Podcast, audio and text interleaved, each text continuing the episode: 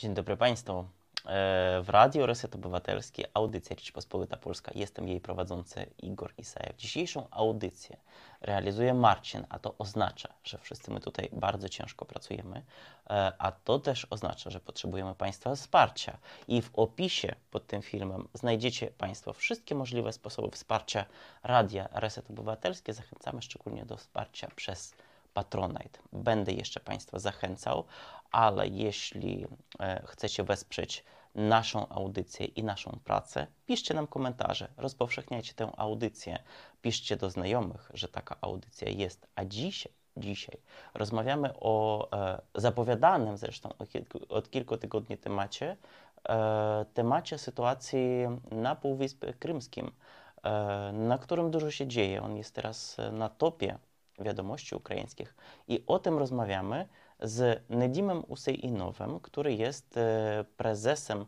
światowego, e, prezesem w Polsce Światowego Kongresu Tatarów e, Krymskich i członkiem Rady Światowego Kongresu Tatarów Krymskich. Witam Cię, Nedimie. Mam nadzieję, że się słyszymy i się widzimy. Dzień dobry, cześć Igorze, dziękuję za zaproszenie. Dziękuję, że po raz kolejny jesteś na antenie Radia Reset Obywatelski. Opowiadasz o niezwykle istotnym e, regionie, który jest e, kluczowy dla Ukrainy, dla świata, dla całego.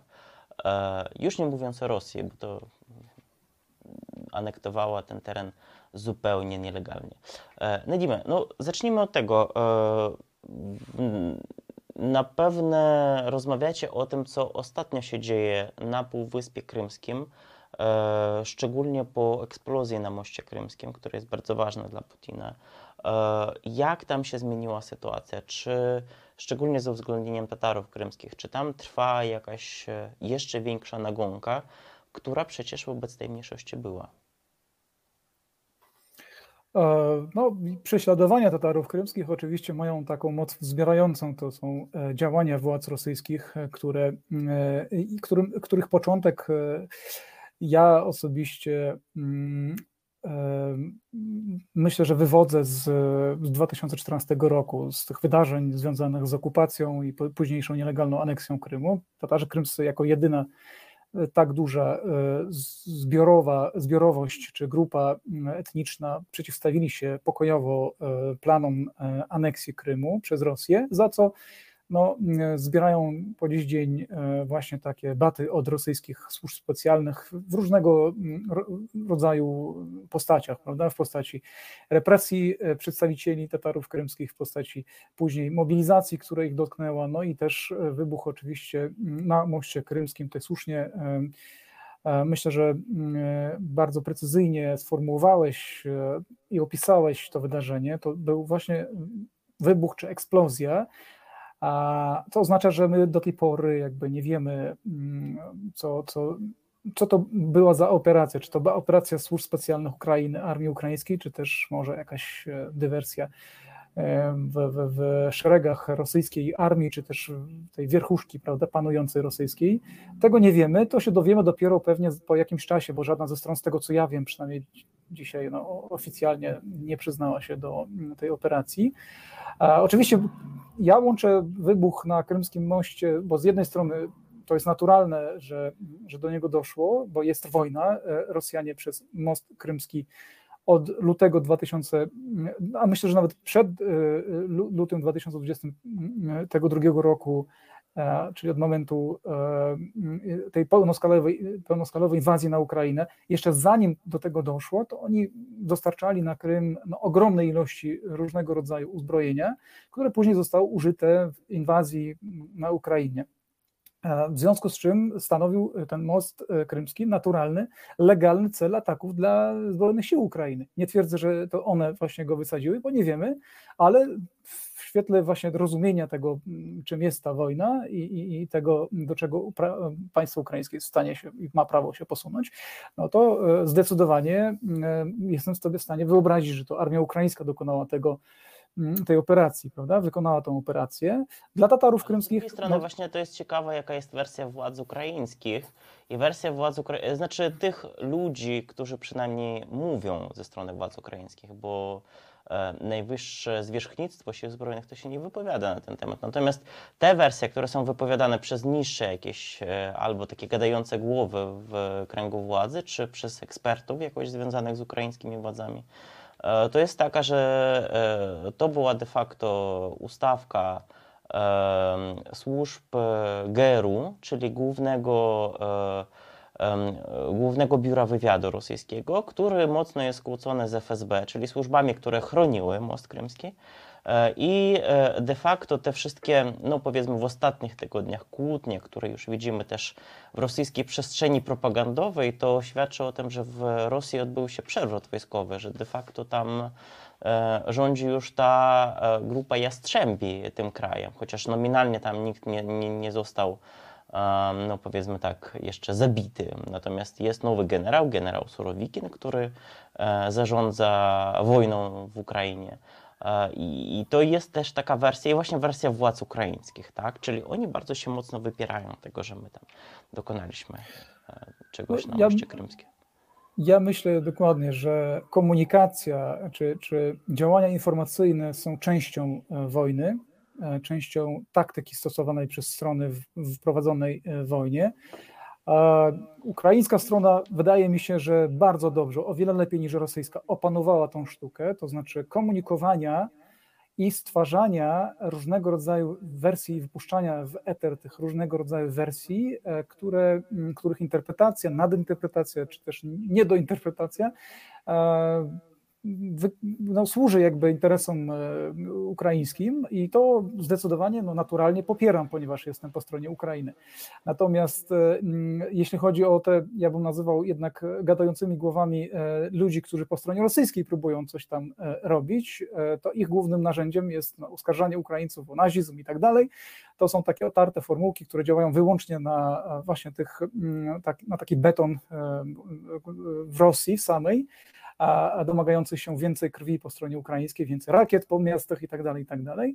Tak wydaje mi się, że mm, jeśli chodzi o interpretację różnego rodzaju wersji, prawda, tego, kto za tym stoi, to ja bym wolał w to nie wchodzić, szczerze mówiąc, choć wiem, że to jest bardzo interesujący zawsze temat dla, dla rozmów e, w tym w, w formacie publicystycznym, e, ale mm, kto za tym stoi, no tego nie jesteśmy w stanie w tej chwili e, zdecydowanie e, i stanowczo powiedzieć, bo no, oficjalnie Kijów niczego nie mówi, nie mówi, że to my, e, poszczególni speakerzy, którzy wypowiadają się po stronie ukraińskiej, mówią albo to nie my, albo właśnie wrzucając tego typu różnego rodzaju wersje, tak, tak trochę półoficjalnie, stwarzają specjalnie powód informacyjny do tego, żeby o tym rozmawiać, ale to wszystko sieje jeszcze większy, więcej zamętu i, i mniej rozumienie po stronie rosyjskiej, czyli to jest częścią taktyki ukraińskiej, słusznie stosowanej. Natomiast no, zobaczymy, co się naprawdę wydarzyło dopiero, nie wiem, za lat M, za ileś tam, a może wcale, jeśli e, ludzie pokroju Putina zostaną e, u władzy na Kremlu i będą dalej utajać wszystkie archiwa. No, chyba sam Putin chyba już długo nie zostanie. I to ja tak mam wrażenie, że to, co Ukraina próbuje wysłać właśnie tym komunikatem e, do Rosji, to oni trochę robią ten przewrót wojskowy trochę na wyrost, tak, zanim on się odbył. Oni właśnie próbują tego w ten sposób informacyjny dokonać. Ale e, spójrzmy właśnie na sytuację Tatarów krymskich, który, którzy są teraz głównym e, tematem naszej rozmowy. E, jak się nasiliły, bo widzimy, że mobilizacja po 21, to pierwsze właśnie takie informacje po tej mobilizacji w Rosji pojawiły się, że no wyjątkowo dużo akurat e, zabiera się procentowo przedstawicieli mniejszości narodowych zamieszkujących Rosję, aniżeli samych Rosjan. E, I to pojawiły się te informacje przede wszystkim ze strony Tatarów krymskich. Jak to tam wygląda? Jakie, są, jakie macie jako Światowy też Kongres Tatarów Krymskich informacje na ten temat? Trzeba powiedzieć, że te informacje, e, które e, trochę tak e, były mocno powielane w mediach, o, o tym, że przeważnie Tatarzy krymscy dostają te wezwania do, do komisji poborowych, one pojawiły się gdzieś tak w pierwszym, drugim dniu trwania mobilizacji po ogłoszeniu.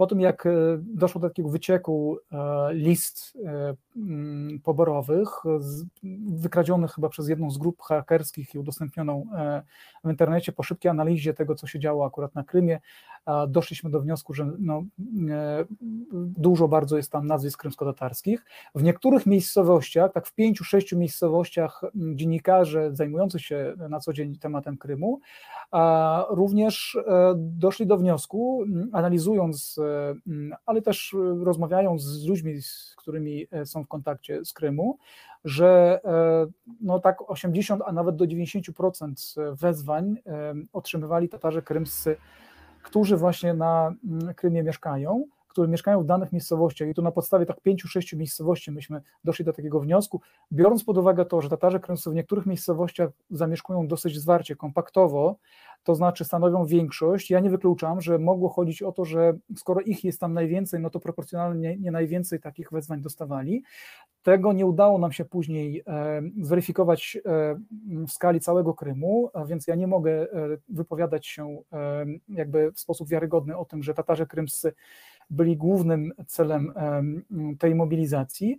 Nie jesteśmy w stanie tego e, poprzeć dowodami, natomiast e, dowodami możemy poprzeć e, zdecydowanie to, że Tatarzy Krymscy padają ofiarą, i to najważniejszą, największą ofiarą, działań służb specjalnych, które mm, Tatarów krymskich wykradają, wrzucają do więzień, lub też prześladują, zmuszając do tego, żeby opuścili Krym, przeprowadzili się na przykład na kontynentalną część Ukrainy, poza Krym i na to są dokumentalne oczywiście różne świadectwa, udokumentowane dowody e, i, i tak dalej. Jeśli chodzi o mobilizację, to nawet nie, nie, nie jest to najważniejsze, czy Tatarzy krymscy naj, najwięcej dostawali proporcjonalnie tych wezwań, prawda?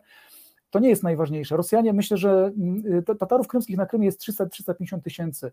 E, Rosjan, zwłaszcza tych, którzy po 2014 roku, a mówimy tutaj o setkach tysiącach takich Rosjan, przeprowadzili się na Krym i to najczęściej albo bardzo często są rodziny przedstawicieli e, różnych funkcjonariuszy, różnych służb specjalnych czy, czy wojska, z siłą rzeczy będzie z Krymu e, w liczbach bezwzględnych więcej, bo Rosjanie potrzebują teraz e, nowo zmobilizowanych ludzi, brzydko mówiąc, mięsa armatniego, które rzucą po prostu pierwszym rzutem na, na linię frontu, że żeby stworzyć wrażenie, to, że... Ta grupa, która otrzymywała jakieś no, mieszkania na Krymie i tak dalej, i tak dalej, no to przecież była grupa nobilitowanych bardziej, aniżeli ten... Aniżeli... No, ale ich rodzin, a teraz widzimy, że nawet piloty samolotów, prawda, rejsowych, pasażerskich są ściągani z, przed lotem, tuż przed lotem, żeby zmobiliz- zostać zmobilizowanymi i, i, i wcielonymi do rosyjskiej armii, więc bałagan, który tam panuje, ja nie przeceniałbym możliwości jakby tutaj zorganizowania państwa rosyjskiego i panowania nad, nad listami właśnie tych zmobilizowanych.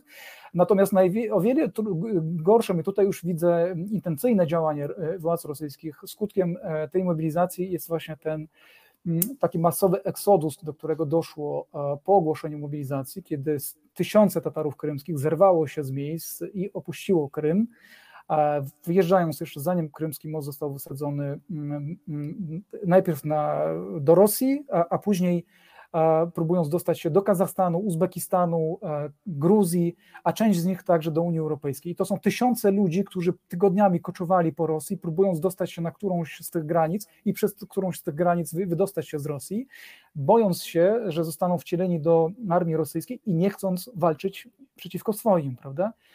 I tutaj, tutaj właśnie mamy już do czynienia z prawdziwym ludzkim dramatem, bo za, najczęściej to było tak w odróżnieniu od Rosjan, którzy uciekali przed mobilizacją, bo bardzo często, ja też nie wiem, czy to są potwierdzone informacje, to są moje obserwacje. Z moich obserwacji wynika, że bardzo często mężczyźni sami uciekali po prostu, bez rodzin, bez, nie wiem, żon z dziećmi i tak dalej, uciekali do Gruzji czy innych, mm, innych państw.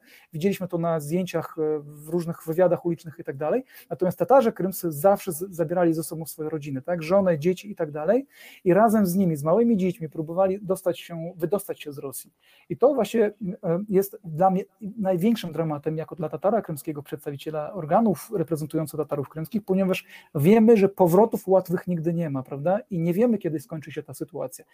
Czy sko po skończeniu mobilizacji Putin nie ogłosi kolejnej mobilizacji, żeby nowe fale Tatarów krymskich spróbować wcielić do swojej armii, a więc wiedząc o tym, Tatarzy krymscy nie, nie będą się śpieszyć z wracaniem na Krym, z powrotami na Krym zaczną się aklimatyzować, zapuszczać korzenie w tych krajach, do których uciekli, i nie wrócą już być może, a przynajmniej część z nich nie wróci już na Krym. I to jest największym dla nas dramatem, ponieważ i tak jest nas tam mało, a będzie jeszcze mniej.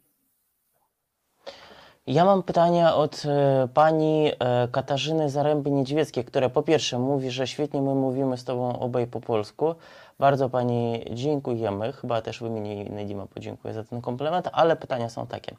E, pierwsze pytanie. Wiem, że Tatarzy krymscy są prześladowani, ale co to konkretnie oznacza? To jest pierwsze pytanie. I drugie pytanie, czy czy tacy żołnierze, którzy nie chcą walczyć, mogą się po prostu poddać w Ukrainie? To chyba e, są dwa no, bardzo obszerne pytania, ale spróbujmy na nie odpowiedzieć. No w, tej, w tej chwili mamy e, ponad 100 więźniów politycznych Tatarów krymskich, e, i, e, którzy e, siedzą w rosyjskich łagrach, w rosyjskich więzieniach za swoją obywatelską postawę. Na przykład za to, że w 2000... rosyjskich tam, tam daleko w rosyjskich. Bardzo oddalonych gdzieś na, w głubince tak zwanej rosyjskiej, czyli gdzieś tam na Syberia, prawda, i tak dalej. Daleko, daleko, tak, żeby a nawet sądy nad nimi odbywają się daleko, poza Krymem, żeby nie mogli przyjeżdżać Tatarzy krymscy, rodziny, znajomi, prawda, i, i, i ich wspierać. Mówimy o ponad setce takich Tatarów krymskich, czyli dramat dotyczy kilkuset, a może nawet kilku tysięcy Tatarów krymskich, uwzględniając a co również to są za ludzie? Jakie to są kategorie? Dzieci. Bo ważna kategoria na przykład jest Hizbut Tahrir, tak? czyli ważne, ważne, ważne islamskie, ale radykalne, ale jednak e, nie zabronione w Ukrainie, a zabronione w Rosji e, część islamu. E, co to są za kategorie jest, inne? Tak, Hizbut Tahrir nie, nie, nazywałbym ich radykalną partią, ponieważ e, to jest organizacja, która jest taka organizacją stawiającą przed sobą pewne cele polityczne, ale deklarującą również pokojowe metody walki o te cele polityczne, wierząca w to, że można, można zaprowadzić, wprowadzić państwo islamskie na terenach zamieszkiwanych przez muzułmanów. E, już nie będziemy wdawać się w szczegóły, ale tylko powiem, że Krymu akurat za taki teren historycznie muzułmański, islamski nie uznają, E, natomiast e, no, szerzyli swoją, e, prowadzili swoją działalność popularyzatorską, intelektualną, organizując różnego rodzaju konferencje jeszcze przed aneksją na Krymie, odrzucając bardzo stanowczo i, i, i na poziomie deklaracji metody agresywne czy siłowe. Tatarze krymscy bardzo mały odsetek, margines, nie wiem, 1-2%, tego nigdy nie liczyliśmy, ale tak na oko, należeli do, takiej, do, do tej organizacji działali w niej i, i e, wierzyli w jej, e, czy przynajmniej część jej założeń, prawda, mówiących o tym, że trzeba prowadzić właśnie taki, e, taki sposób życia, taki um, obrazujący no, muzułmańską społeczność, prawda, czy, czy prawidłowo prowadzącą swoje życie i organizującą swoje życie muzułmańską społeczność. Natomiast e, e, oprócz tej grupy takich religijnych, e, tak zwanych ekstremistów, jak Rosjanie ich nazywają, czy terrorystów, jest jeszcze grupa również świeckich aktywistów i działaczy. I ona już jest o wiele moim zdaniem ciekawsza, ponieważ no, najbardziej znanym takim aktywistą, który siedzi teraz, dostał 17 chyba lat więzienia w rosyjskim łagrze, jest Nariman Dżelałow. On jest wiceszefem takiego nieformalnego samorządu Tatarów krymskich, nazywa się ten samorząd Medżlis. Nariman Dzielałow jest znanym intelektualistą, dziennikarzem i osobą publiczną, e, witaną na różnych salonach europejskich e, e, i, i mającą posłuch wśród swoich rodaków, co bardzo istotne. Został oskarżony pod fałszywymi oczywiście zarzutami o jakąś tam działalność ekstremistyczną, czy próbę tej działalności, przygotowania jakiegoś aktu terrorystycznego. Oczywiście nie chodzi tutaj o religijny komponent, tylko to taki świecki E, komponent, że chciał tam coś tam wysadzić, prawda, i tak dalej, e, działając na zlecenie służb ukraińskich.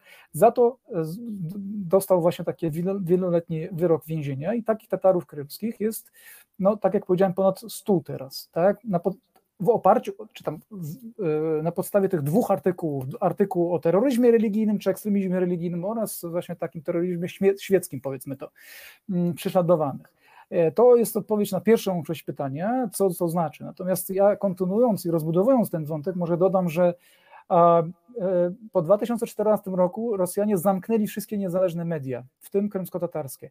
Wyrzucili samorząd e, Tatarów krymskich, który reprezentował Tatarów krymskich w dialogu z władzami w Kijowie, z Krymu, zamknęli, można powiedzieć, usta wszystkim Tatarom krymskim, zastraszają, zamykają w więzieniach lub też deportują Tatarów krymskich, którzy próbują w pokojowy sposób wyrażać swoją obywatelską E, postawę czy swój obywatelski sprzeciw wobec tego, co się dzieje, tego bezprawia, które Rosjanie zaprowadzili na Krymie. Natomiast na drugie pytanie chciałbym odpowiedzieć również, bo tutaj było tak, że e, czy mogą się poddać. Drodzy tak, Państwo, oczywiście. Się poddać w Ukrainie. Po, pro, po czy mogą się poddać w Ukrainie? Wyobraźmy sobie, że taki Tatar krymski albo młodzi Tatarzy krymscy, tam kilkoro, prawda, kilkunastu z nich zostaje wcielonych do rosyjskiej armii, prawda? I od razu już wiedzą, że przy pierwszej nadarzającej się możliwości, okazji poddadzą się, wyciągną, prawda, flagą, białą flagę, pomachają nią Ukraińcy po drugiej stronie, zobaczą i ich przejmą. Natomiast musimy pamiętać, drodzy Państwo, że to jest wojna, którą wielu analityków, ekspertów nazywa wojną rakiet, tak? czy wojną artylerii.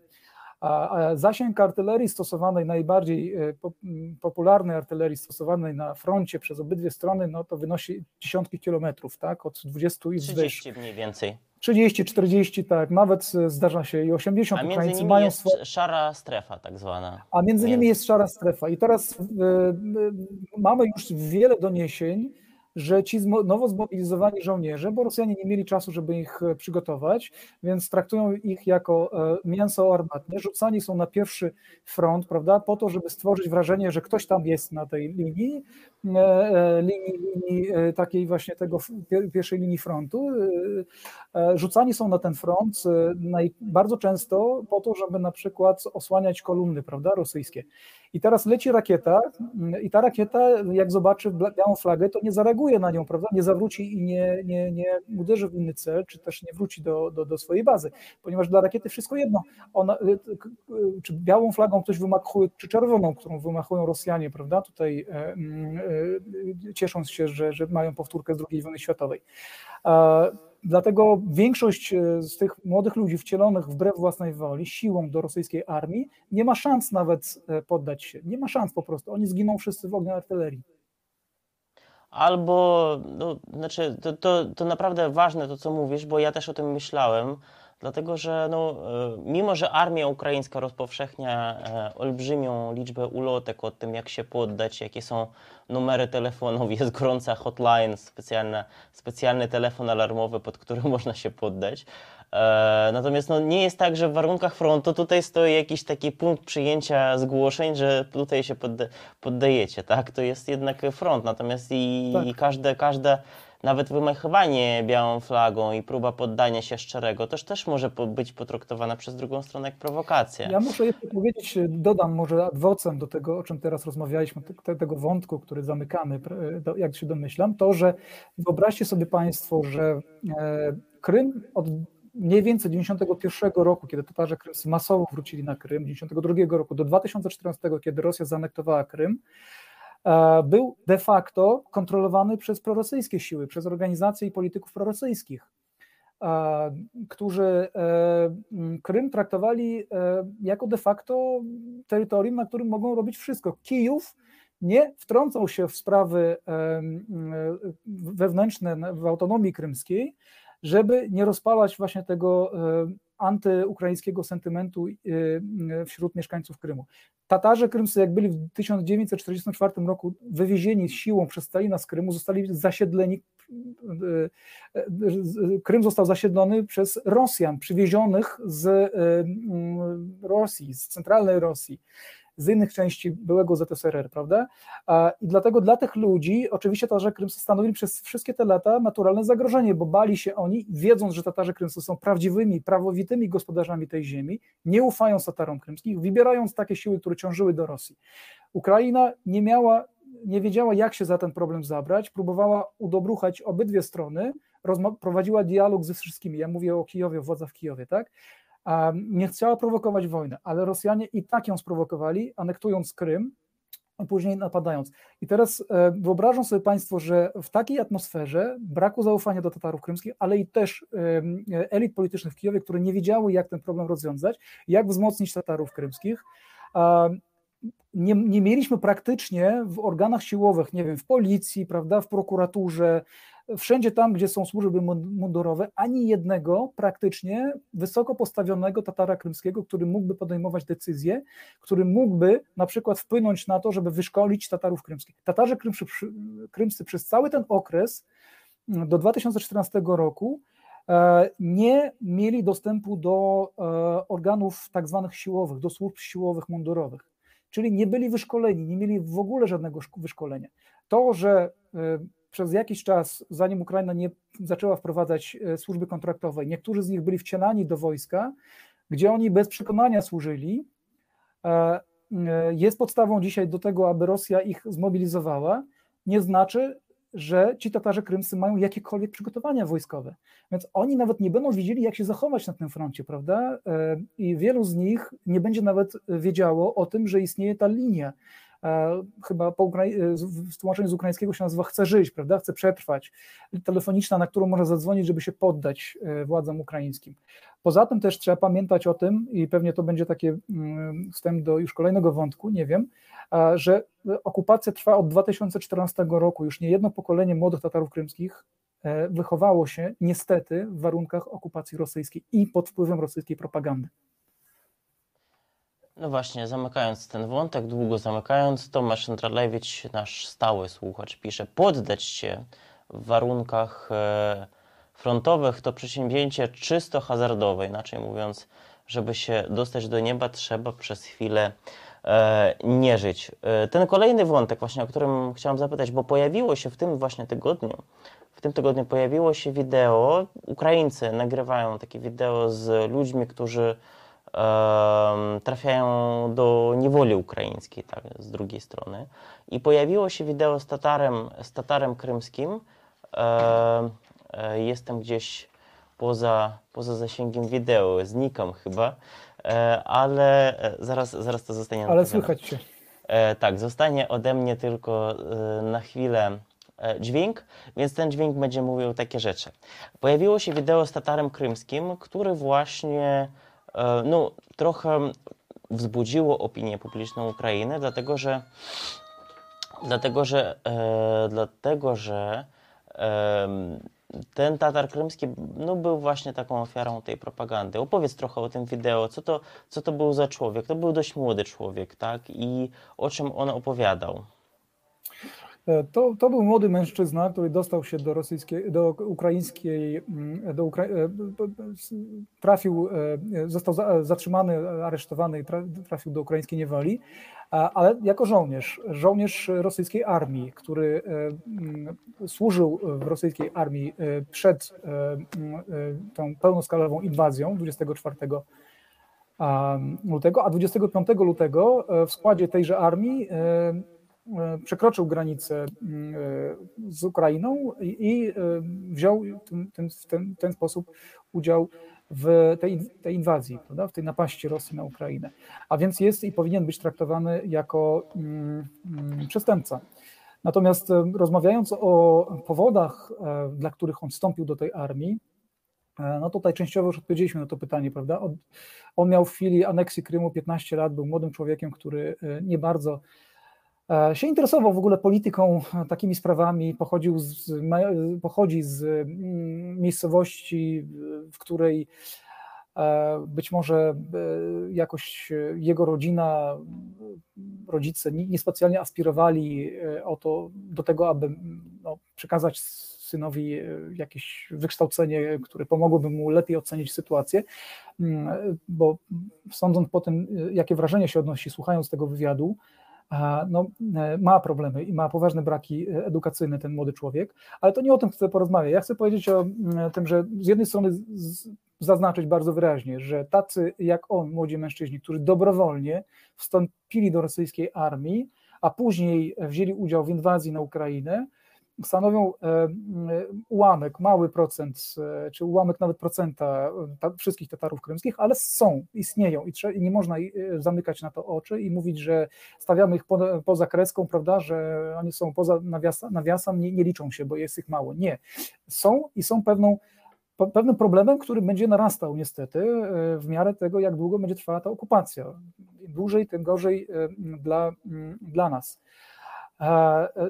Ten młody człowiek pochodzi z rodziny, która nie zadbała o lepsze wykształcenie, ale i też przekazanie mu pewnego światopoglądu, który pomógł mu lepiej ocenić sytuację, e, lepiej ocenić sytuację i lepiej zrozumieć, jak ocenia sytuację jego naród, e, jego społeczność, e, bo stanowczo zaznaczam tutaj, że większość Tatarów krymskich, znakomita większość Tatarów krymskich czeka na wyzwolenie Krymu i powrót Krymu do Ukrainy ale e, od 2014 z każdym, z każdym miesiącem jest to coraz trudniej, tak? Czekaj, no jasne jest, że działania tak. zaczynają się takie nieodwracalne w przypadku niektórych ludzi.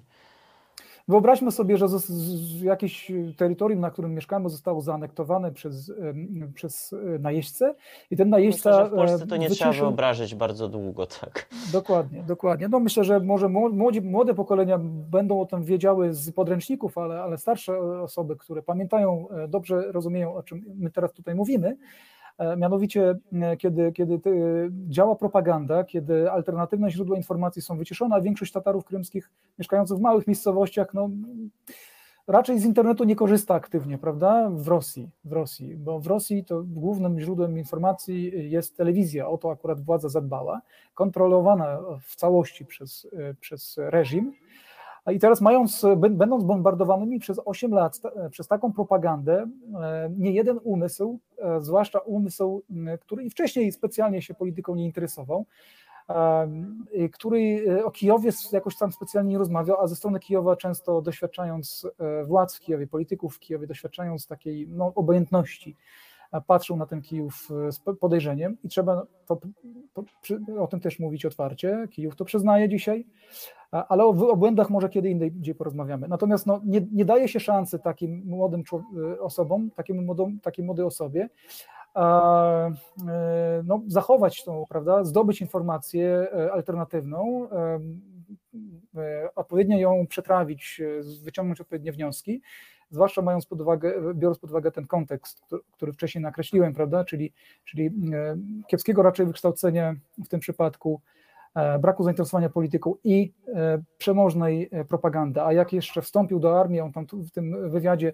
tłumaczy, dlaczego poszedł do wojska, bo trzeba tam, bo ma siostry, prawda, trzeba rodzinę wyżywić i tak dalej, ale pytany o to, czy rozumie, że większość Tatarów krymskich tego nie popiera i że popełnił błąd, twierdzi, że wcale tak nie uważa, bo po prostu nie, nie, nie wie, nie rozumie, gdzie jest jego błąd, w czym tkwi jego błąd. Tak? On nie rozumie tej więzi te, z Ukrainą, tej lojalności wobec Ukrainy, którą, mm, którą, którą e, wykazują jego rodacy, Tatarzy krymscy, a przynajmniej ich większość, ponieważ e, był zbyt młodym człowiekiem, żeby to wszystko zrozumieć, e, żeby tego doświadczyć i żeby dzisiaj o tym pamiętać. I to jest właśnie problem, bo im dłużej będzie trwała okupacja, niestety tym więcej będzie takich przypadków się pojawiać i to jest E, wspólna cecha i wspólny problem dla każdego narodu. To nie, nie, nie dotyczy tylko Tatarów krymskich. Tak, i to trzeba dodać, że ta okupacja to nie jest taki PRL lat 80., tylko końca lat 80., tak, tylko że to jest e, epocha już stalinowska, tak, z represjami może nie zabójstwami na odpowiednią skalę, ale z sadzaniem masowym do więzień, to i tak jak najbardziej. I w dodatku Krym to jest E, jeszcze bardzo zmilitaryzowany właśnie dzięki Rosjanom półwysep, gdzie e, pełne jest tych obiektów, gdzie donosicielstwo kwitnie no po prostu na całość, tak, to, to, to, to oczywiście bardzo potęguje, potęguje niestety takie biogramy. Kolejne pytanie od naszego słuchacza, który się nazywa Anatol Bimberbaum. E, jakie, jakie Tatarzy krymscy mają E, problemy, jeśli chcą się przedostać na teren Unii Europejskiej. No właśnie, jak ta droga wygląda z Krymu? Jakie, czy, czy, czy Tatarzy krymscy mają jakieś problemy, jeśli chcą się przedostać na teren e, Unii Europejskiej? Tak, mają e, Tatarzy krymscy taki problem. Mieli w każdym razie. Ja osobiście brałem udział w działaniach mających na celu pomóc Tatarom krymskim przedostać się do Unii Europejskiej, e, czy to do krajów bałtyckich, e, czy bezpośrednio do Polski e, przez Białoruś. Natomiast jakie to są problemy, to już mówię. Mm, w kilku przypadkach były to problemy związane z brakiem ukraińskich dokumentów. Tatarzy krymscy, jak wcześniej powiedziałem, w znakomitej większości przyjeżdżają czy próbują opuścić Rosję razem z rodzinami w tym z małymi dziećmi.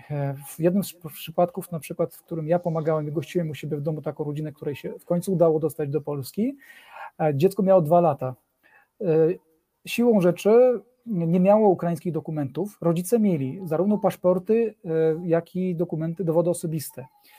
Natomiast dziecko się urodziło, rodzice nie mieli czasu od razu ten dokument, e, to świadectwo urodzenia ukraińskie otrzymać. Później zaczęła się właśnie, zaczął się konflikt, zaczęła się wojna. Mm, już nie mogli tego zrobić e, w żaden sposób.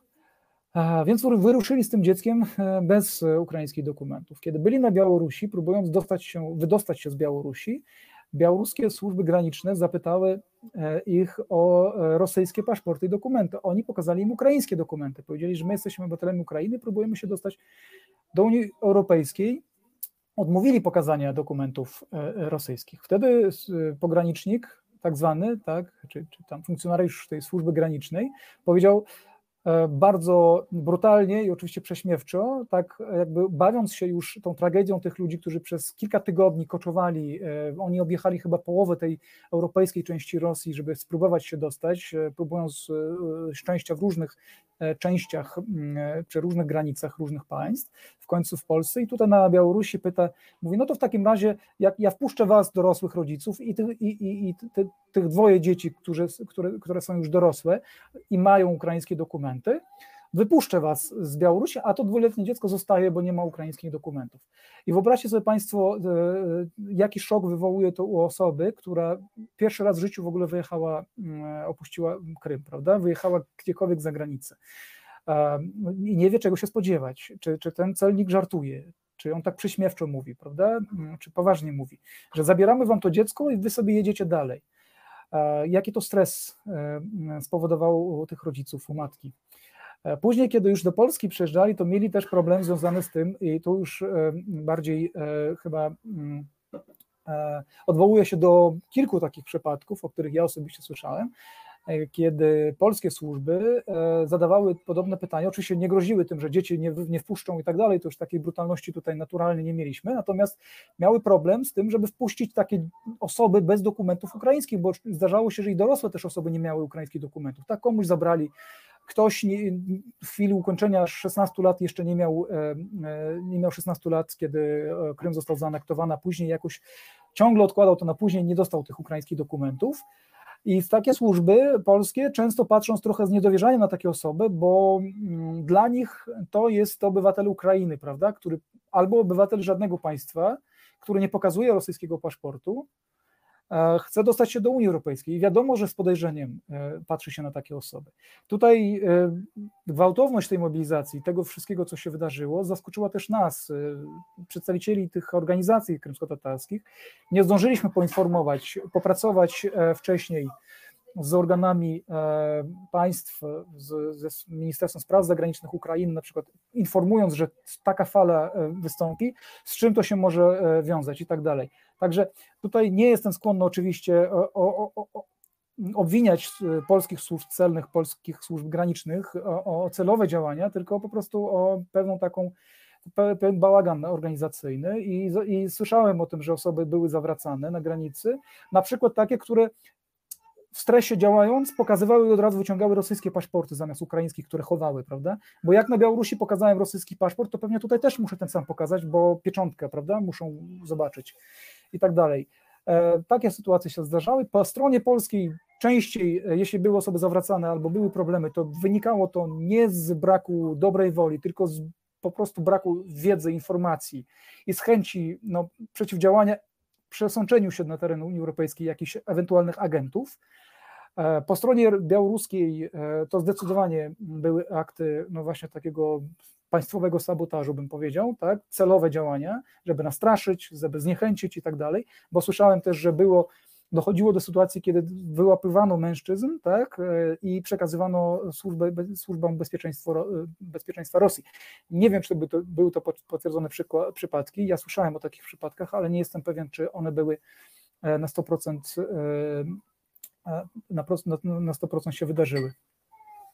A natomiast jeśli chodzi, no przecież nie tylko białorusko-polska granica jest E, ja słyszałem, i jeśli tak nie jest, to proszę skoryguj, że większość ludzi jednak uciekających e, z Krymu, z okupowanych terenów południowej, wschodniej Ukrainy, to udaje się do przejścia granicznego w Szumiłkinie w obwodzie pskowskim, czyli do rosyjsko-estońskiego, rosyjsko-łotewskiego przejścia granicznego.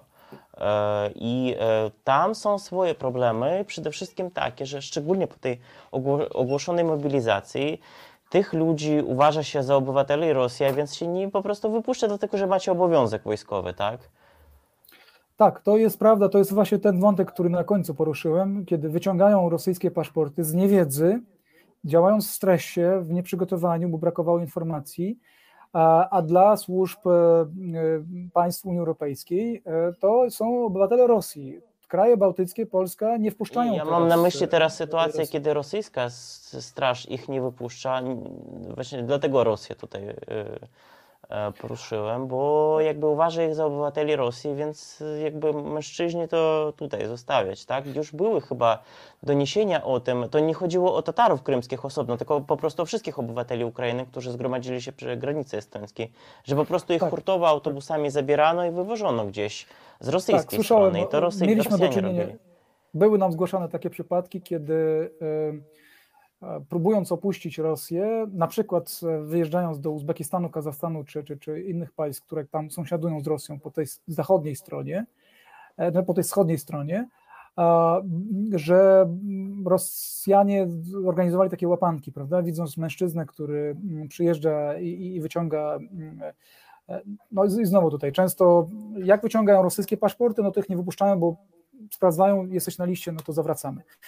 Jak wyciąga ukraiński paszport, to męczą, dopóki ten człowiek nie pokaże e, paszportu e, rosyjskiego, bo wiedzą, że ma rosyjski paszport. Na Krymie, żeby przetrwać fizycznie, żeby żyć normalnie, żeby korzystać z medycyny, prawda, z usług medycznych, żeby móc kupić nieruchomość albo zarejestrować tę nieruchomość na siebie. przynajmniej. Dokładnie, albo ją sprzedać, no trzeba mieć rosyjskie obywatelstwo, inaczej się nie da po prostu, tak? rosyjski, przynajmniej ten paszport tak zwany wewnętrzny, czyli dowód osobisty, bo inaczej musisz opuścić Krym. De facto, tak? Oczywiście w sensie prawnym Rosjanie dalej dają taką możliwość, żeby obywatele Ukrainy mogły, mogli mieszkać w, na Krymie, ale e, de facto, czy tak naprawdę stworzyli warunki, w których to jest praktycznie niemożliwe. E, przetrwanie, e, funkcjonowanie w miarę normalnie na Krymie bez tych, jak Ukraińcy nazywają e, te dokumenty, no, snując paralele z II wojną światową, Ausweisów, Ausweisów się nie da po prostu. Nie da się przetrwać, inaczej musisz Krym opuścić. Dlatego e, służby rosyjskie, wiedząc, że mają te paszporty, wymuszają na tych ludziach zestresowanych na granicy pokazanie. Jak pokażą rosyjski paszport, to mówią, e, no to jak jesteś na liście e, do zmobilizowania, to wracasz, prawda, od razu tam zawracają lub wcielają do swojej armii, albo mówią, że wracasz i czekasz na wezwanie do komisji poborowej, które prędzej czy później dostaniesz. E, tutaj u nas e, w komentarzach jest dyskusja na temat służb, ale akurat polskich. Myślę, że tutaj po prostu trzeba jeszcze raz konkretnie doprecyzować. E, pytanie było, czy polskie służby były przygotowane do takiego problemu uchodźców. I są już odpowiedzi, że nie, nie ma i tak dalej, i tak dalej. Ale z tego, co zrozumiałem, to mówi, że po prostu nie chodziło o złą wolę, tylko po prostu, że o takie nieporozumienia zwykłe. E, nieporozumienie, e, brak przygotowania, ale to nie tylko po stronie służb polskich, bo służby polskie powinny dostać komunikat, informacje ze strony ukraińskiej, prawda, o, o tym, że należy się spodziewać takiego e, problemu, takiego zjawiska. Najwyraźniej z tego, co jak ja rozumiem i oceniam tę sytuację, do tego nie doszło o czasie. Później oczywiście zadziałały już służby, ale drodzy Państwo, jesteśmy w środku wojny, prawda? W wojnie kiedy e, wydarzenia e, przyspieszają i są bardzo, bardzo gwałtowne, nie da się wszystkiego przewidzieć, nie da się do wszystkiego przygotować. Oczywiście trzeba uderzyć się w piersi i powiedzieć, że również my, jako strona krymsko-tatarska, jako organizacja reprezentująca Tatarów krymskich, gdzieś tam nie byliśmy przygotowani, nie zadziałaliśmy, bo mechanizm powinien wyglądać tak, że Medżlis, tak, czy też struktury krymsko-tatarskie powinny poinformować MSZ ukraiński, ukraiński MSZ powinien zakomunikować to ambasadom tych państw, które którym należy, które powinny się spodziewać takich, takich, takich sytuacji na swojej granicy i należy odpowiednio się przygotować. Natomiast wyobraźmy sobie, drodzy Państwo, jeśli że ja na przykład osobiście nie jestem w stanie tego wyobrazić, że ukraiński MSZ pisze do ambasady, czy do Ministerstwa Spraw Zagranicznych, czy też do rządu e, w Kazachstanie, który formalnie jest w sojuszu z Rosją, prawda, w ramach, nie wiem, takiego alternatywnego NATO, które oni nazywają ODKB, czyli takiego sojuszu militarnego, czy, czy, czy Tadżykistanu lub innych państw, Uzbekistanu, w ten sposób zdradzając pewien, pewne zjawisko, do którego może dojść i E, nie mając pewności, czy ta informacja nie zostanie przekazana zaraz rosyjskiej stronie, która mogłaby się odpowiednio do tego przygotować. Więc wszystko jest o wiele bardziej skomplikowane niż może się wydawać na pierwszy rzut oka, dlatego ja nie jestem skory, nie jestem szybki do tego, aby snuć jakieś e, generalizacje i, i kogokolwiek oskarżać. Ja zwykle, stało, a co jeśli się stało mam pretensje... z tymi dziećmi, to jest ciekawe, czyli polskie służby przyję, e, przyjęły tych dzieci krymskich Tatarów, uznając ich dokumenty rosyjskie i jakby stwierdzają, że oni są po prostu e, związani krwią, tak? Jak rozumiem, tak to się stało. Tak, kiedy jest, bo tak kiedy inaczej musieli uznać te dokumenty rosyjskie, bo innych tak, nie kiedy było. zostaje to już potwierdzone, kiedy o zjawisku e, dowiedziały się, jestem pewien, gdzieś tam, e, czy to w MSZ, czy w tych służbach odpowiednich, to ja myślę, że doszło do pewnej korekty tych zachowań i, i sytuacja się poprawiła. Przynajmniej my przestaliśmy słyszeć od ludzi, że, mm, że są zawracani na tej granicy, zewnętrznych granicach Unii Europejskiej, tych wschodnich granicach Unii Europejskiej, Dlatego mm, zakładam, że sytuacja się poprawiła, ale też spadła liczba też Tatarów krymskich próbujących się dostać do Unii Europejskiej. Niestety, kiedy w pierwszej fali poszła informacja o tych zawracanych, no to wielu się przestraszyło i zaczęło szukać szczęścia gdzie indziej, prawda? I kierować się w stronę tam Uzbekistanu, Kazachstanu i tak dalej. Też ryzykując. Czy, czy dużo ludzi wyjechało do Azji Centralnej? Tysiące. W sumie myślę, że to są tysiące, nawet kilkanaście tysięcy. To są ci, którzy do tam Polski, mają rodziny? E, niekoniecznie. To znaczy w Uzbekistanie e, Tatarzy krymscy jadą, bo starsze pokolenie pamięta, prawda, te lata mieszkania, życia na, w Uzbekistanie e, w, czasie, w czasie stalinowskiej deportacji. Natomiast młodsi pojechali, bo po prostu to jest prostsze, prawda? No, granica Kazachstanu po, zaraz po wyjechaniu z Morsu Krymskiego jest dużo bliższa e, niż, niż e, na przykład granice z Białorusią czy, czy, czy państwami bałtyckimi, więc to często jest też pytanie logistyczne.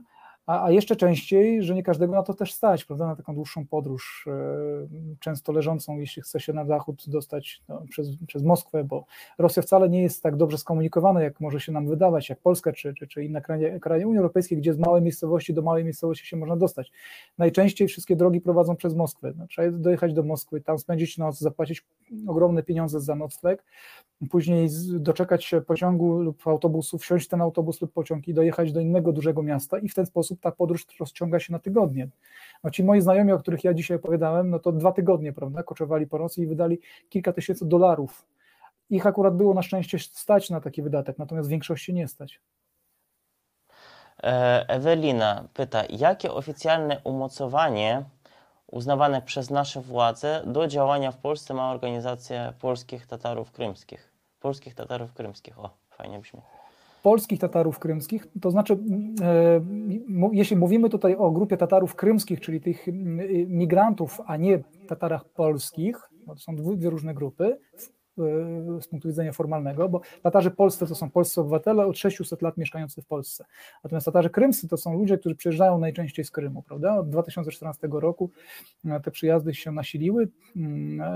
I jeśli mówimy o tej drugiej grupie, to żadnego formalnego e, umocowania organizacji Tatarów krymskich w Polsce nie, nie ma w polskim prawie.